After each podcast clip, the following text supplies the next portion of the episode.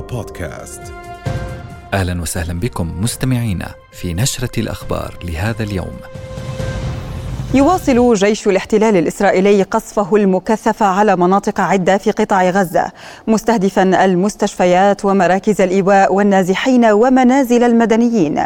وبينما أعلن البيت الأبيض عن هدنة لأربع ساعات يوميا نفى جيش الاحتلال ذلك قائلا لا وقف لإطلاق النار دون الإفراج عن الرهائن.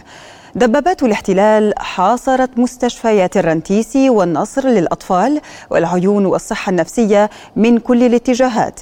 وفي الأثناء شن طيرانه غارة على مستشفى الشفاء أدت إلى استشهاد 13 فلسطينيا وإصابة العشرات.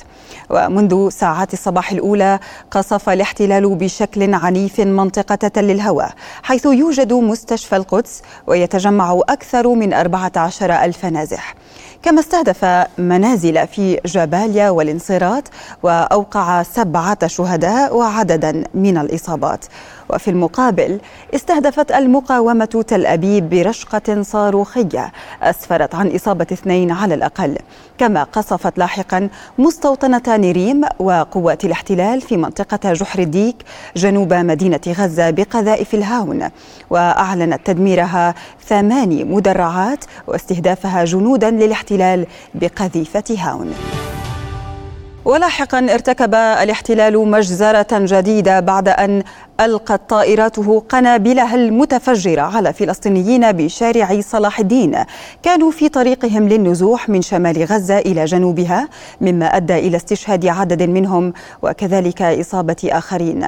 وكان جيش الاحتلال دعا سكان شمال غزة إلى مغادرة مناطقهم والتوجه إلى جنوب وادي غزة زاعما أن شارع صلاح الدين ممر آمن لعبورهم. ومع حجم الدمار المتصاعد في الأيام الماضية وأصل الغزيون النزوح من شمال القطاع إلى جنوبه سيرا على الأقدام. وبالرغم من ادعاء الاحتلال أن الجنوب منطقة آمنة تشير تقارير أممية إلى أن أكثر من 40% من الغارات استهدفت تلك المناطق.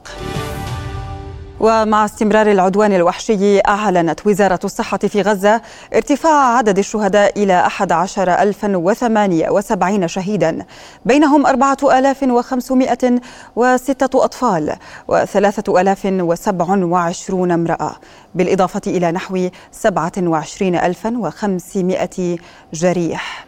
كما أعلنت الصحة استشهاد 198 من الكوادر الطبية وتلقيها 2700 بلاغ عن مفقودين تحت الأنقاض أزيد من نصفهم أطفال. وذكرت الصحة أن الاحتلال دمر 53 سيارة إسعاف واستهدف 135 مؤسسة صحية وأخرج 21 مستشفى و47 مركزا صحيا عن الخدمة. ولاحقا. أعلن مدير مستشفى الشفاء عن انتشال جثث حوالي خمسين شهيدا من داخل مدرسة البراق بعد قصف صاروخي ومدفعي استهدفها صباح اليوم. وبعد مجزرة مجمع الشفاء الطبي اليوم أكدت منظمة هيومن رايتس ووتش أنها لم تجد ما يؤكد مزاعم الاحتلال بأن مقر قيادة حماس يقع تحت هذا المجمع الطبي. وقالت المنظمة إن استمرار القصف واستهداف محيط مستشفى الشفاء يثير قلقا بالغا بشأن سلامة آلاف المدنيين. ودعت هيومن رايتس ووتش زعماء العالم إلى حث الاحتلال على حماية المدنيين وعدم تنفيذ هجمات غير قانونية. قال المتحدث باسم وزارة الصحة في قطاع غزة الدكتور أشرف القدرة أن الاحتلال الإسرائيلي يسعى لإخراج جميع مستشفيات قطاع غزة عن الخدمة. وناشد المجتمع الدولي إلى لجم العدوان المتواصل على القطاع منذ السابع من تشرين الأول الماضي. كما وطالب القدرة المجتمع الدولي بإمداد المستشفيات بالوقود والمواد الطبية فورا وبشكل عاجل نتيجة للوضع الكارثي الذي يشهده القطاع الصحي.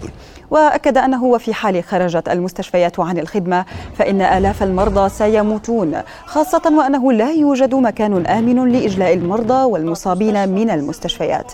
وأضاف أن دبابات الاحتلال تحاصر مستشفيات الرنتيسي والنصر للأطفال والعيون والصحة النفسية من كل الاتجاهات.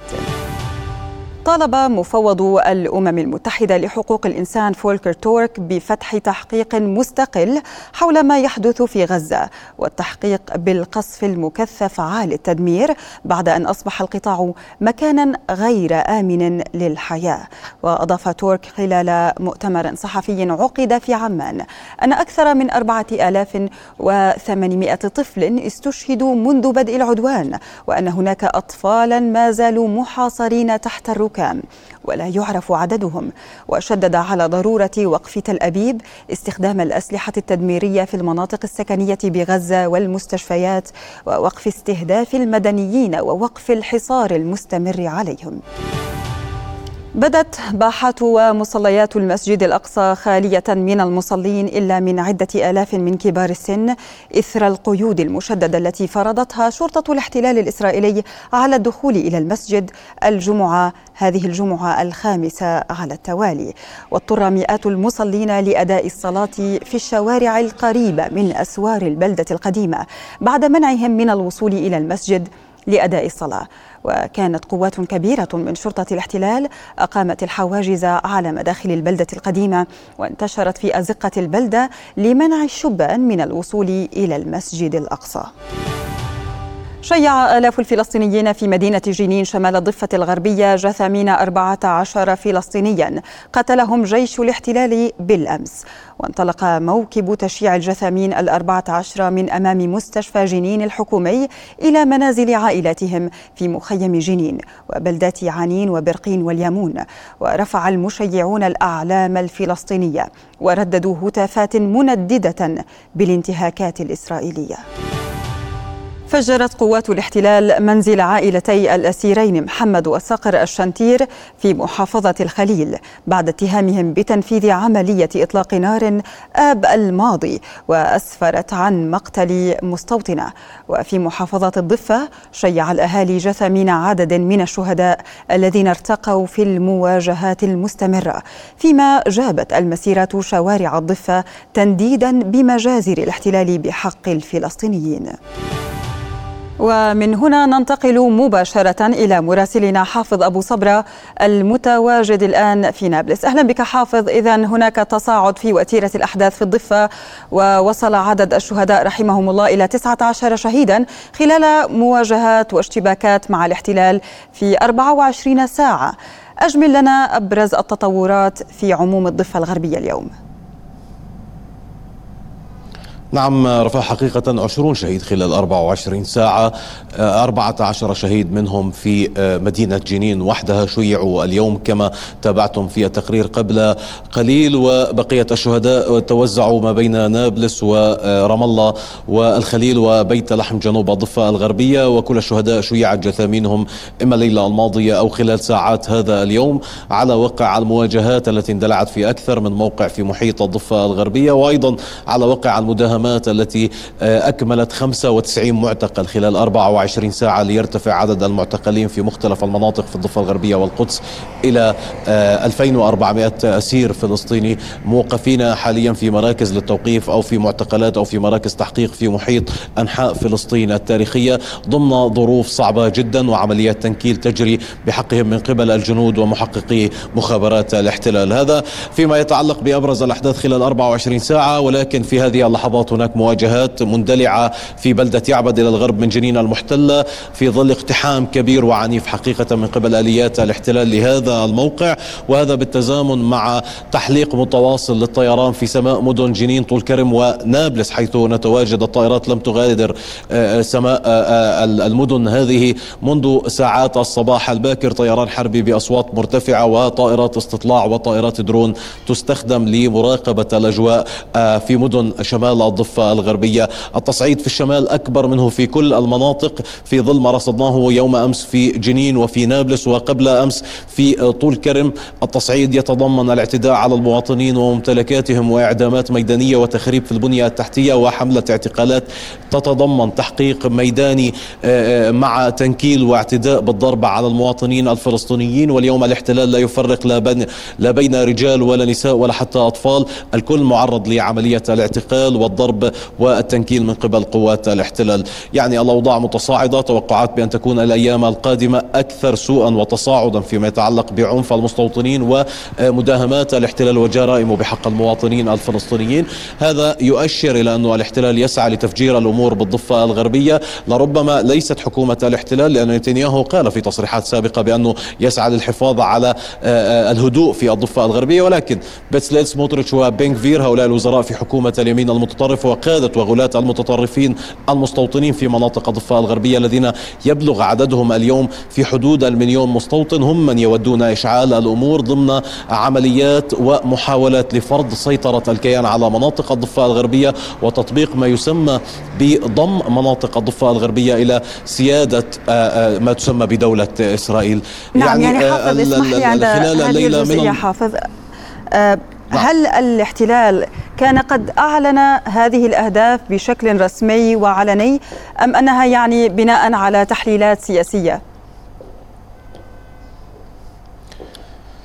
يعني سأذهب نحو الأهداف الميدانية التي يقول الاحتلال في كل عملية عسكرية ينفذها بأنه يسعى لتحقيقها من خلال الهدف للقضاء على الحالة النضالية العسكرية المسلحة الموجودة في مناطق شمال الضفة الغربية. بالأمس في جنين كان الاقتحام لأجل آه، آه، الوصول لاعتقال واغتيال مطلوبين والقضاء على بعض ما يسميه الاحتلال بمصانع أو بنية تحتية لما يسميه بالإرهاب الذي هو الحالة المقاومة الفلسطينية. خرج من المخيم بعد أن أعلن ساعة وقف إطلاق نار لأجل السماح للأطفال والطلبة الفلسطينيين في المدارس ورياض الأطفال الخروج من مدارسهم وروضاتهم صوب منازلهم بعد احتجازهم لأكثر من عشرة ساعات ماذا فعل خلال هذه الساعة؟ انسحب آه، آه، بعد أن أعلن وقف إطلاق النار خوفا من الاشتباكات مع المقاومين الفلسطينيين انسحب ولم يحقق أي من أهدافه اغتال فقط واحد من المقاومين من أبناء كتيبة جنين واعتقل خمسة من أفراد كتائب شهداء الأقصى فيما بقية الشهداء وإن كان منهم مسلحين مقاومين فهم لم يكونوا معروفين وغير مطلوبين لقوات الاحتلال. هذا يعني أن أهدافه فيما يتعلق بإعتقال واغتيال مطلوبين لم تنجح بنسبة أقل من 5% في ظل اغتيال أحد المقاومين البارزين وهو الشهيد أيمن آه، أيهم العامر الذي يرتقي بعد أسبوعين من ارتقاء شهيده أحد قادة أخوه شقيقه عفوا أحد قادة كتيبة جنين أيسر, أيسر العامر ويعني تدمير البنية التحتية للمقاومة لم يستطع الوصول إلى إلى الشوارع الرئيسية ومداخل المحال التجارية والمنازل. هذا فيما يتعلق بالأهداف. إذا هو انسحب من جنين على وقع الفشل في تحقيق أهدافه ومخططاته التي يسميها عملية عسكرية. العسكرية. كذلك الحال في نور شمس. فور خروجه خرجت كتيبة نور شمس وبدأت بالاحتفال وسط الحاضنة الشعبية الذين هم أهالي المخيم. الأمر كذلك في مخيم طول كرم الذي يبعد كيلومتر واحد عن مخيم نور شمس. خرجت الحاضنة الشعبية تحتفي بمقاوميها الذين لم يغتل منهم الاحتلال أحد.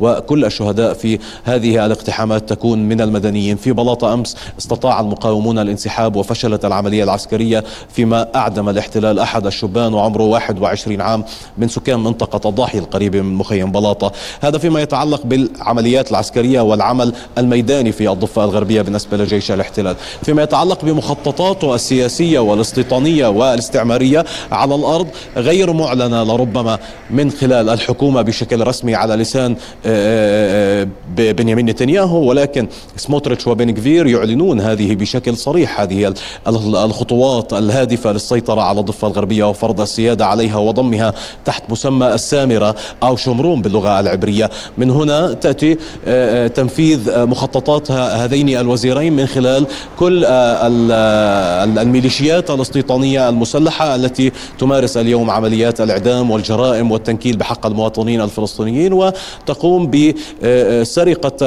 أراضيهم تحت عين ورؤية جيش الاحتلال الذي يشاركها في جرائمها وتقوم بحتى سلبهم كل مواردهم فيما يتعلق حتى منتج الزيتون بعدما ينتهي الفلاح الفلسطيني من قطف ثمار زيتونه في أكياس تقوم المستوطنين وجماعات مستوطنين المتطرفة, المتطرفة بسرقتها. هذا كله واقع على الأرض. نسجله نحن كإعلاميين فلسطينيين ونرصده ونقوم بتوثيقه مع كل المؤسسات المعنية بما يسمى بحقوق الإنسان. ولكن كل هذا يذهب هباء في نعم. ظل حكومة إسرائيلية يمينية متطرفة تسعى لتنفيذ أهدافها على الأرض. وهذا من خلال ذراعين. أولا الجيش الإسرائيلي الذي هو مستوطنين بزي عسكري والمستوطنين نعم. الذين هم جي جيش إسرائيلي ولكن يرتدون أزياءهم المدنية. نعم حافظ. شكرا جزيلا لك أطلعتنا على هذه المعلومات. لك جزيل الشكر حافظ أبو صبرة كنت معنا من نابلس. بعد ليلة تخللها قصف عنيف وإطلاق قنابل مضيئة وغارات جوية على حدود لبنان الجنوبية. جدد جيش الاحتلال صباح اليوم القصف المدفعي على أطراف بلدات حدودية عدة من بينها الناقورة وعلم الشعب وجبل اللبونة وأم التوت. وفي المقابل هاجم حزب الله اللبناني بثلاث مسيرات ثكنة يفتح قديش ومستعمرة للاحتلال كما أعلن لاحقا استهدافه مجموعة مجموعة مشاة إسرائيلية بالصواريخ الموجهة في حرش شتولة وتحقيقه إصابات مباشرة. وفي وقت سابق استهدف حزب الله موقع العاصي العسكري للاحتلال وحدب البستان بصواريخ موجهة فيما نعى الحزب صباح اليوم سبعة من عناصره. استشهدوا بقصف الاحتلال من دون أن يحدد مكان أو تاريخ استشهادهم ليرتفع بذلك عدد شهدائه منذ بدء التصعيد إلى ثمانية وستين. يطل الأمين العام لحزب الله حسن نصر الله غدا في كلمة بمناسبة يوم الشهيد هي الثانية له خلال أسبوع بعد كسره حاجز الصمت بشأن الحرب على غزة. أسئلة كثيرة تطرح عما سيحمله خصوصا بعد ردود الفعل المتباينة بشأن خطابه أو خطاب الثالث من تشرين. فهل سيحمل في طياته خطوات تصعيدية في الميدان أم سيبقى نصر الله على هذا الغموض ويتجنب المخاطرة بحرب شاملة. للوقوف على آخر التطورات في الجنوب اللبناني تنضم إلينا مراسلتنا من هناك مريم طهماز. أهلا بك مريم. الجنوب اللبناني لم يهدأ قصف متواصل ومتبادل. ضعينا إن أمكن بآخر المستجدات. يعني آخر الأخبار يعني حاليا وفينا نقول إنه قبل قليل قبل بكم دقيقة فقط كان هنالك قصف صهيوني آه، على وادي السلوقي والذي هو يعد بين بلدتي حولة وشقرة أيضا في الجنوب اللبناني. اذا هذا القصف قد طال أيضا هذا هذه المنطقة بالإضافة إلى منطقة أخرى وهي بلدة ياطر والتي تتعرض أيضا إلى قصف صهيوني منذ بداية الأحداث. وحتى هذه الساعة بالإضافة إلى بلدة كفرة أيضا.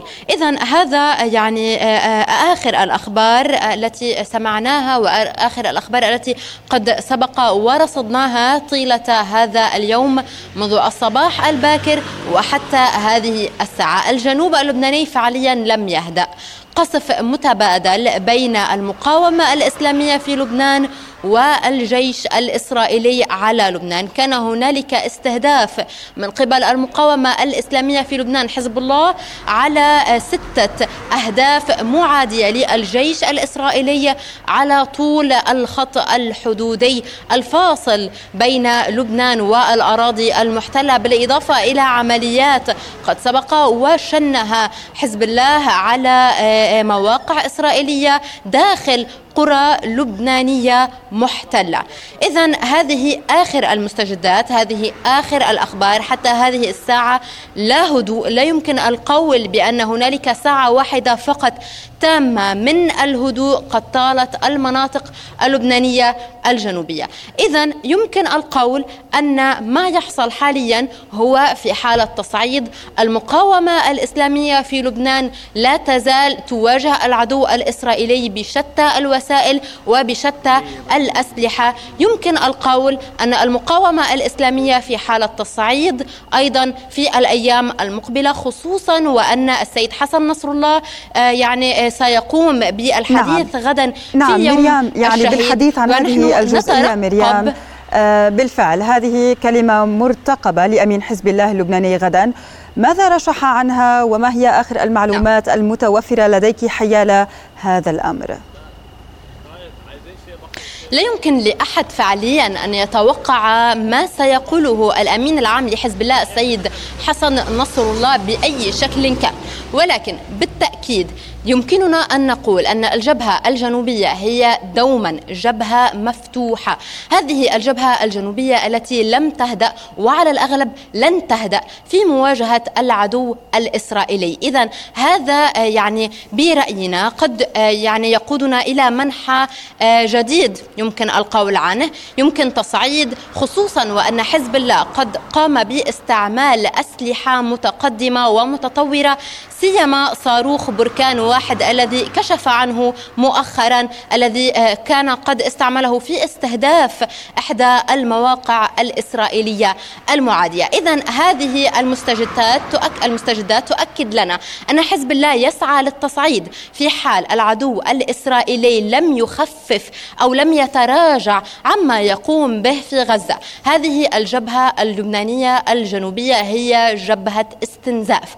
يستعملها حزب الله لمؤازرة يستعملها حزب الله لمؤازرة المقاومة الإسلامية في فلسطين المحتلة وكل ما يحدث للشعب الفلسطيني خصوصا أن العدو الإسرائيلي لم يتوقف عن استهداف جميع المدنيين والأطفال والنساء بصورة مرعبة جدا بالنسبة للمجتمع الدولي. وأيضا المجتمع الدولي لم يتحرك فأخذ حزب الله على عاتقه مؤازرة غزة في كل ما تواجهه حتى هذه الساعة. معي هنا آه، يعني إحدى آه، آه، الأشخاص اللي متواجدين في هذه القرية اللي هي في القطاع الأوسط. متواجد اليوم بهذه القرية بشكل طبيعي حتى مع الشباب. اليوم عم نشوفكم كل شيء عادي بالنسبة لكم. وأيضا كنا عم نسمع قبل قليل صوت القذائف. هل الأمر بات اعتياديا بالنسبة لكم؟ هلأ الأمور كلها عادية عندنا هون بمنطقة الجنوب أكيد هذا صمود لإلنا. وهذا الشيء ما بيرعبنا ابدا. نحن بيوم من الأيام إذا بدنا نترك المنطقة هون هو تخوفا على الأولاد الصغار اللي عندنا موجودة بقلب البلد. بس نحن أكيد صامدين وراح نبقى صامدين بوجه أي عدوان إن كان لنحافظ على أرضنا ونحمي أرضنا. ماذا عن الحركة؟ يعني نحن اليوم عم نشهد في حركة نوعا ما حتى بهذه الساعات ساعات الليل. لا الشباب أغلبيتها مثل ما أنت قلت أنه الأطفال والنساء ما عم بيكونوا متواجدين إنما نشهد يعني تواجد لشباب القرى والبلدات. اليوم أنتم بالبلدة الحدودية قدرتوا تسمعوا أصوات. هل من أحد تضرر؟ هل من أحد صابوا شيء من العائلة أو الأصدقاء أو أي أحد ثاني؟ هلا مبدئيا نحن كضيعة هون ما تضررنا بس الأصوات القذائف وكذا عم تعمل رعب بين الناس. يعني اليوم مثل عنا ولد صغير بقلب البيت بيسمع ضربة بده يشعر بالفزع بالهلع بده يهرب بده يقول شو هيدا وشو عم بيصير. بس نحن مثل ما برجع بقول لك على طول نحن صامدين هون وما بيرعبنا أي شيء من هيدي الأمور كلها تعودنا. إذا هذه كانت رسالة أحد اللبنانيين اللي موجودين بالقرى الحدودية أو بالقرى الجنوبية بالتحديد في القطاع الأوسط لابد أن نذكر أن يعني نحن حاليا متواجدين في هذا القطاع الأوسط يلي كمان يعتبر ضمن المنطقة يلي قد تشهد نعم تصعيدا نعم. من الناحية أو فينا نقول أنه هي منطقة غير آمنة بالكامل خصوصا وأنه هذه المنطقة قد سبق وتعرضت نعم. للقصف في حرب تموز عام 2006 نعم شكرا جزيلا لك مراسلتنا مريم طهماز كنت معنا من جنوب لبنان. لك جزيل الشكر. فرق الدفاع المدني في غزة تواصل العمل على مدار الساعة بسواعدها لإخراج ما أمكن من العالقين تحت الأنقاض في ظل غياب الآليات والمعدات والكم الهائل من البيوت المدمرة على رؤوس ساكنيها. بلغ إجمالي خسائر السلطة الفلسطينية الاقتصادية جراء حصار قطاع غزة منذ 17 عاما نحو 35 مليار دولار. الجهاز المركزي للإحصاء الفلسطيني بين أن مساهمة قطاع غزة من الناتج المحلي الإجمالي لفلسطين قبل عام 2006 كانت تمثل حوالي 36% واليوم لا تتجاوز 17% نتيجة تآكل القاعدة الإنتاجية وأشار إلى تعرض بنية الاقتصاد لتشوه في معظم أنشطته وأكبر خسارة في القطاع التجاري كانت بحوالي 9 مليارات دولار فاصلة أربعة فيما توقفت ثلث منشآت القطاع الخاص عن الإنتاج في فلسطين نتيجة توقف عجلة الإنتاج بشكل شبه تام. لحوالي 56 ألف منشأة في غزة وتعطل غالبية العمال في قطاع غزة والتي تقدر بأكثر من 147 ألف عامل.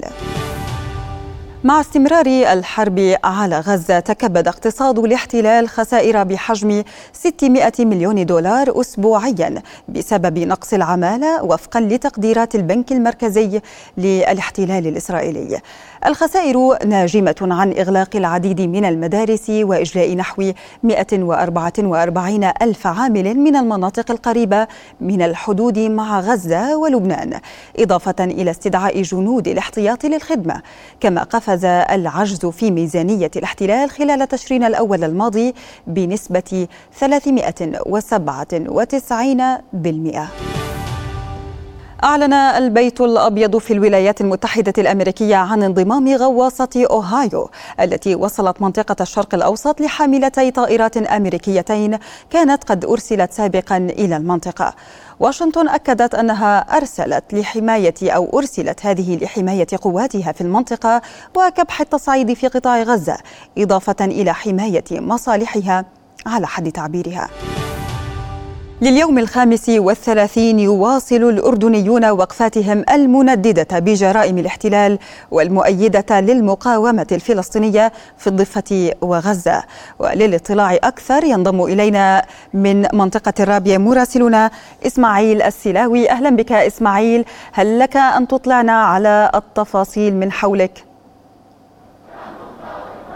رفاه كما تفضلت وبالفعل منذ السابع من تشرين الأول. هذه الساحة من خلف ساحة الكالوتي في الرابية القريبة آه، من آه، سفارة الاحتلال الإسرائيلي لم تخلو خاصة مع ساعات المساء. هذه الوقفة اليوم مثلا أمامي جاءت بلا دعوة. اليوم هذه الوقفات المسائية في الكالوتي في ساحة الكالوتي هي وقفات عفوية لا مركزية يخرج الناس وأصبحنا نعرفهم تقريبا وأصبحنا نعرف وجوه الناس على الرغم طبعا أنه الأعداد للأسف تقل. يعني وعلى الرغم أيضا من محاولة المنظمين أحيانا أو الجهات التي تنظم والتي كلها تنضوي تحت مظلة الملتقى الوطني لدعم المقاومة تحاول الاستمرار دائما وتوزيع وانتشار هذه الفعاليات في كافة مناطق عمان والمحافظات محافظات المملكة كافة لكن الكالوتي مستمر دون دعوات ومع دعوات هذه الساحة التي تبدأ يوميا عند الساعة السابعة والنصف حتى الساعة التاسعة. اليوم واضح يعني ليس الغضب إنما الانكسار اليوم على الأردنيين خاصة ما يحدث البعد الإنساني في في غزة. الرفاه والجميع يعلم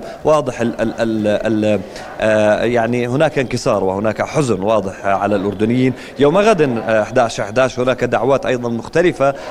مثلا سلسلة بشرية في إربد في على طول خط الغاز القادم من دولة الاحتلال الفلسطيني. المحتلة هناك دعوات أيضا للتجمع في الكالوتي كالمعتاد لكن بمركزية أكثر وبأعداد أكبر خاصة يعني مع القمة العربية يوم غد بإذن الله ومع ما يحدث في الأرض في غزة. اليوم كانت هناك أيضا العديد من المسيرات والوقفات المركزية في عمان وفي مختلف وفي كافة محافظات الأردن.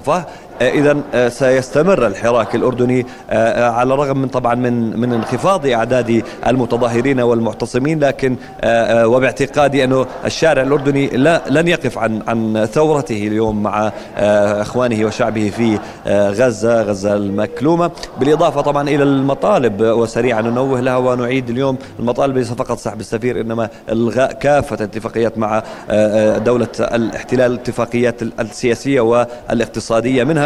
المطالبة طبعا السفير سحب والسفير نعم أيضا إسماعيل. سحب لدى تل أبيب لكن المطالب مستمرة ب يعني التدخل العاجل لوقف المجازر ومعاني الاحتلال في نعم. مجازره في غزة. رفاه والحراك الأردني مستمر.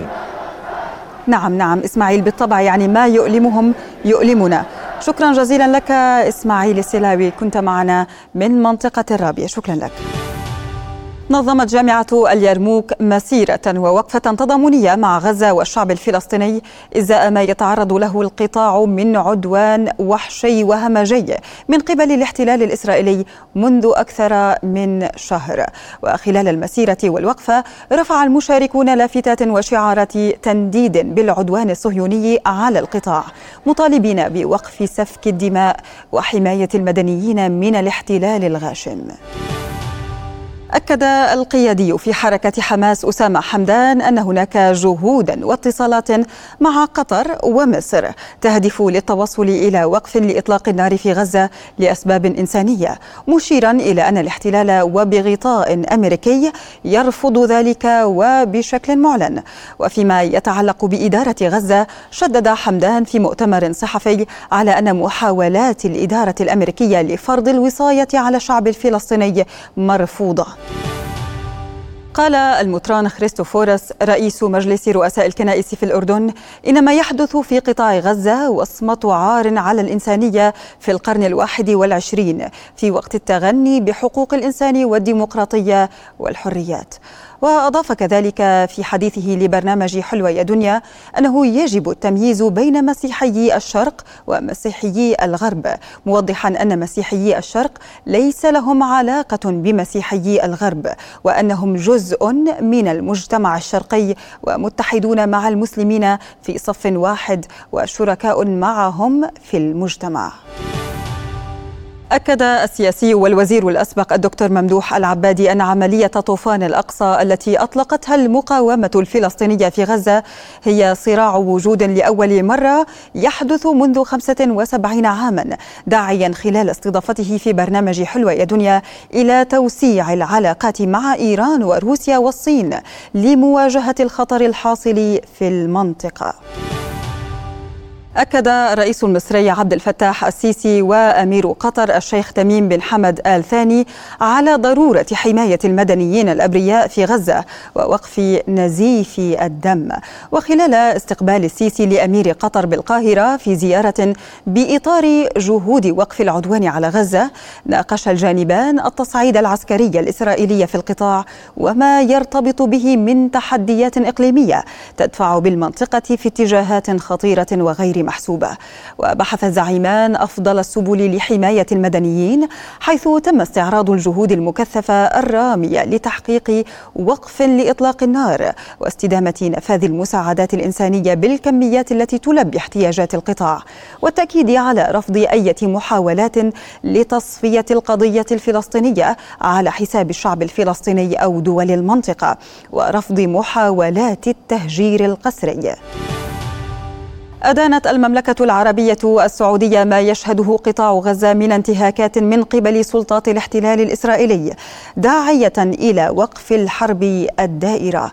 وفي كلمته خلال القمة السعودية الإفريقية في الرياض شدد ولي العهد السعودي الأمير محمد بن سلمان على وجوب وقف التهجير القسري للفلسطينيين من القطاع المحاصر منذ أكثر من أربعة أسابيع. يذكر أن السعودية كانت أكدت مرارا رفضها تصفية القضية الفلسطينية واستهداف المدنيين في غزة عادة أن حق الدفاع عن النفس لا يبرر انتهاك القانون وإغفال حقوق الفلسطينيين. أكد متحدث مكتب الأمم المتحدة لتنسيق الشؤون الإنسانية أوتشا ينس لايركا إنه إذا كان هناك جحيم على الأرض الآن فهو في شمال غزة. وفي مؤتمر صحفي في جنيف تحدث لايركا عن الوضع الإنساني المتدهور في القطاع المحاصر والذي يتعرض لهجمات إسرائيلية مدمرة منذ 35 يوما. ولفت كذلك إلى أن شاحنات المساعدات التابعة للأمم المتحدة تصل إلى جنوب غزة بشكل محدود مقارنة بالكثافة السكانية الكبيرة مشددا على عدم إمكانية إيصال تلك المساعدات إلى الشمال. نقلت صحيفة وول ستريت جورنال الأمريكية عن ضابط إسرائيلي قوله إن المراحل الأكثر تعقيدا من الحرب على غزة ربما لم تبدأ بعد. وأشار الضابط إلى أن المعركة تزداد صعوبة كلما توغل الجيش أكثر في قطاع غزة. كما نقلت الصحيفة عن مصدر آخر قوله إن المجتمع أو مجتمع الاستخبارات الأمريكي يشكك في قدرة إسرائيل على تحقيق هدفها بالقضاء على حركة حماس. لافتا إلى أن حملة تل أبيب قد تلحق وتلحق ضررا بحركة حماس وبنيتها لكنها لن تستطيع القضاء على أيديولوجيتها وفق تصريحاته. أظهر استطلاع حديث للرأي العام تراجع شعبية رئيس الوزراء الإسرائيلي بنيامين نتنياهو بين الإسرائيليين إلى 26% مقابل تعاظم التأييد للوزير بحكومة الحرب بني جانس إلى 52% وأشار الاستطلاع الذي نشرته صحيفة معاريف العبرية إلى أن 59% من الإسرائيليين يؤيدون وقفا لإطلاق النار في غزة مقابل استعادة الرهائن كافة. كما أظهرت النتائج إلى أن 22% يؤيدون احتلال إسرائيل للقطاع وإقامة مستوطنات هناك مقابل تأييد 22% إبقاء غزة تحت السيطرة العسكرية والأمنية الإسرائيلية فقط. طالب الرئيس التركي رجب طيب أردوغان الغرب بالضغط على إسرائيل لتنفيذ قرارات الأمم المتحدة مؤكدا أن حقوق الإنسان والقانون الدولي يأمران بوقف هذه الحرب القذرة على غزة وفق تعبيره. وفي تصريحات صحفية قال إردوغان إنه يعمل على وقف إطلاق النار في غزة مطالبا إسرائيل وحركة حماس بإبرام صفقة تبادل أسرى. وأكد إردوغان أن هدف تركيا هو ضمان وقف إطلاق النار في القطاع ومرور السكان في مدينة غزة إلى نقاط يمكن تقديم المساعدة الطبية لهم مشيرا إلى أن بلاده تخطط بدقة لما ستقوم به من خطوات عقب وقف إطلاق النار بالإضافة إلى تطوير معادلات لتأسيس سلام مستدام.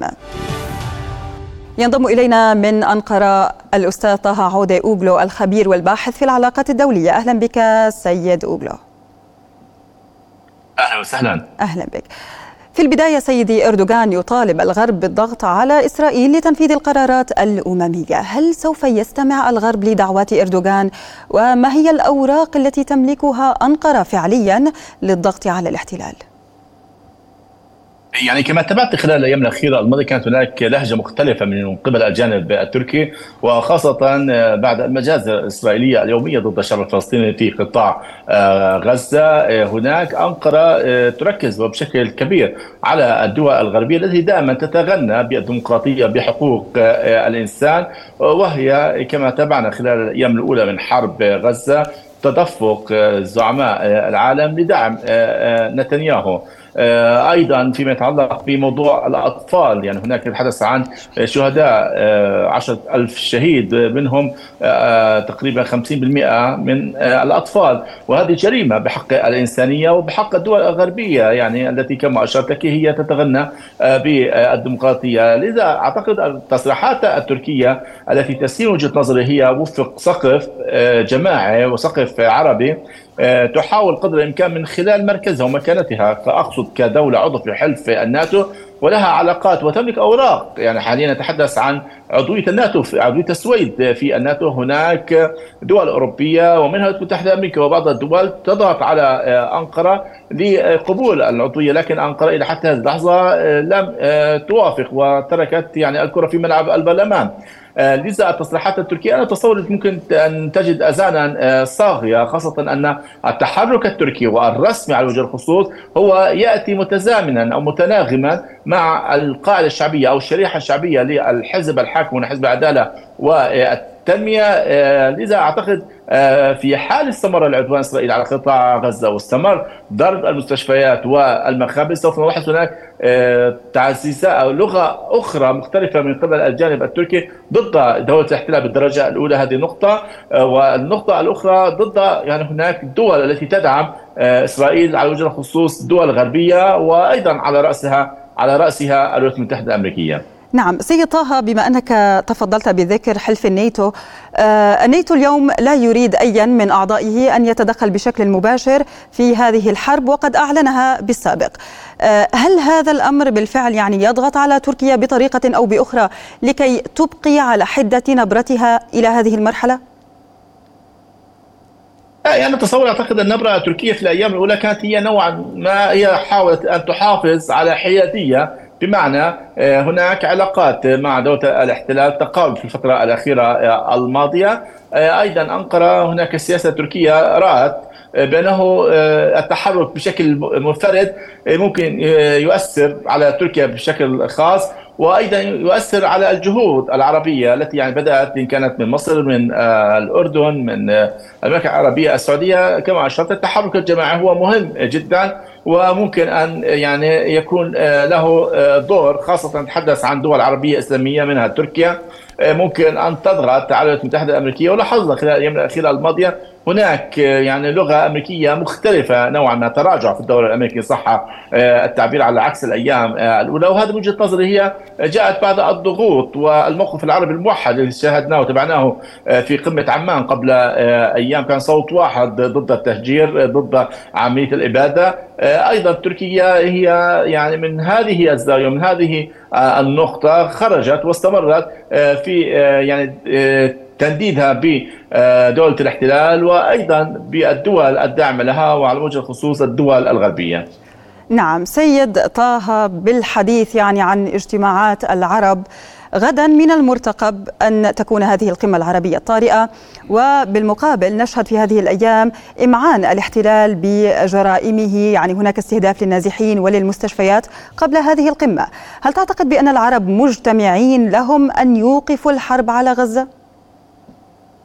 من دون شك أنا أشرت لك قبل قليل هناك الموقف العربي والموحد وهذه المرة حقيقة نجد أن هناك موقف موحد وخاصة على وجه الخصوص عملية التهجير، هناك مشروع وخطه يعني ليست بالجديدة القديمة أمريكية إسرائيلية وحتى أن نتنياهو حاول الاستفادة من الأيام الأولى عندما وصف السبعة أكتوبر بالحادي عشر من سنتبر وكانه يشير إلى ما عمله أو قام به بوش. في أفغانستان والعراق لكن الشعب الفلسطيني وخاصة في غزة هو مختلف آه، تماما على مر العقود السبعة آه، الماضية. ما زال متمسكا بالأرض متمسكا آه، بوطنه. وحتى على الرغم من هناك يعني نتحدث عن كل بيت في غزة حاليا ممكن أن نقول يوجد به شهيد ولكن عندما نسمع ونرى الفيديوهات وعلى شاشات التلفاز نرى بان هذا الشعب هو من الصعب جدا اقتلاعه أو اقتلاعه من أرضه. وهذا ما تيقنت الولايات المتحدة الأمريكية وحتى إسرائيل نفسها هناك تعلمين خلال الساعات الأخيرة الماضية تجري هناك مفاوضات فيما يتعلق بموضوع الاسرى وكما اشرت في التقرير هناك تراجع بشكل كبير لشعبيه نتنياهو وهناك تأييد كبير لعملية موضوع يعني إجراء أو عمل هناك مفاوضات أو صفقة للزوم الشجرة إن صح التعبير بالنسبة لنتنياهو لأن نتنياهو حتى هذه اللحظة نتحدث عن 35 يوم من عمر هذه الحرب. الأهداف الحقيقية كما آه، كانت تقول إسرائيل لم تتحقق. لم يتم القضاء على حماس لم يتم القضاء على قدرات حماس لم يتم التهجير. نعم حاليا نرى أن بعض السكان يتوجهون من الشمال إلى آه، الجنوب آه، لكن يعني إلى حتى اللحظة نتحدث عن 80 ألف شخص يعني, يعني قبل يوم أو يومين متواجدين في مستشفى الشفاء أكبر مجمع طبي في قطاع غزة. لذا أعتقد أن الخطط الإسرائيلية هي باءت بالفشل. نعم سيد طه عودة أوغلو شكرا جزيلا لك. كنت معنا خلال نشرة الأخبار هذه لك. جزيل الشكر. تتواصل بمعظم عواصم العالم المسيرات والمظاهرات والوقفات المنددة بالحرب على غزة والمطالبة بالوقف الفوري لعدوان الاحتلال.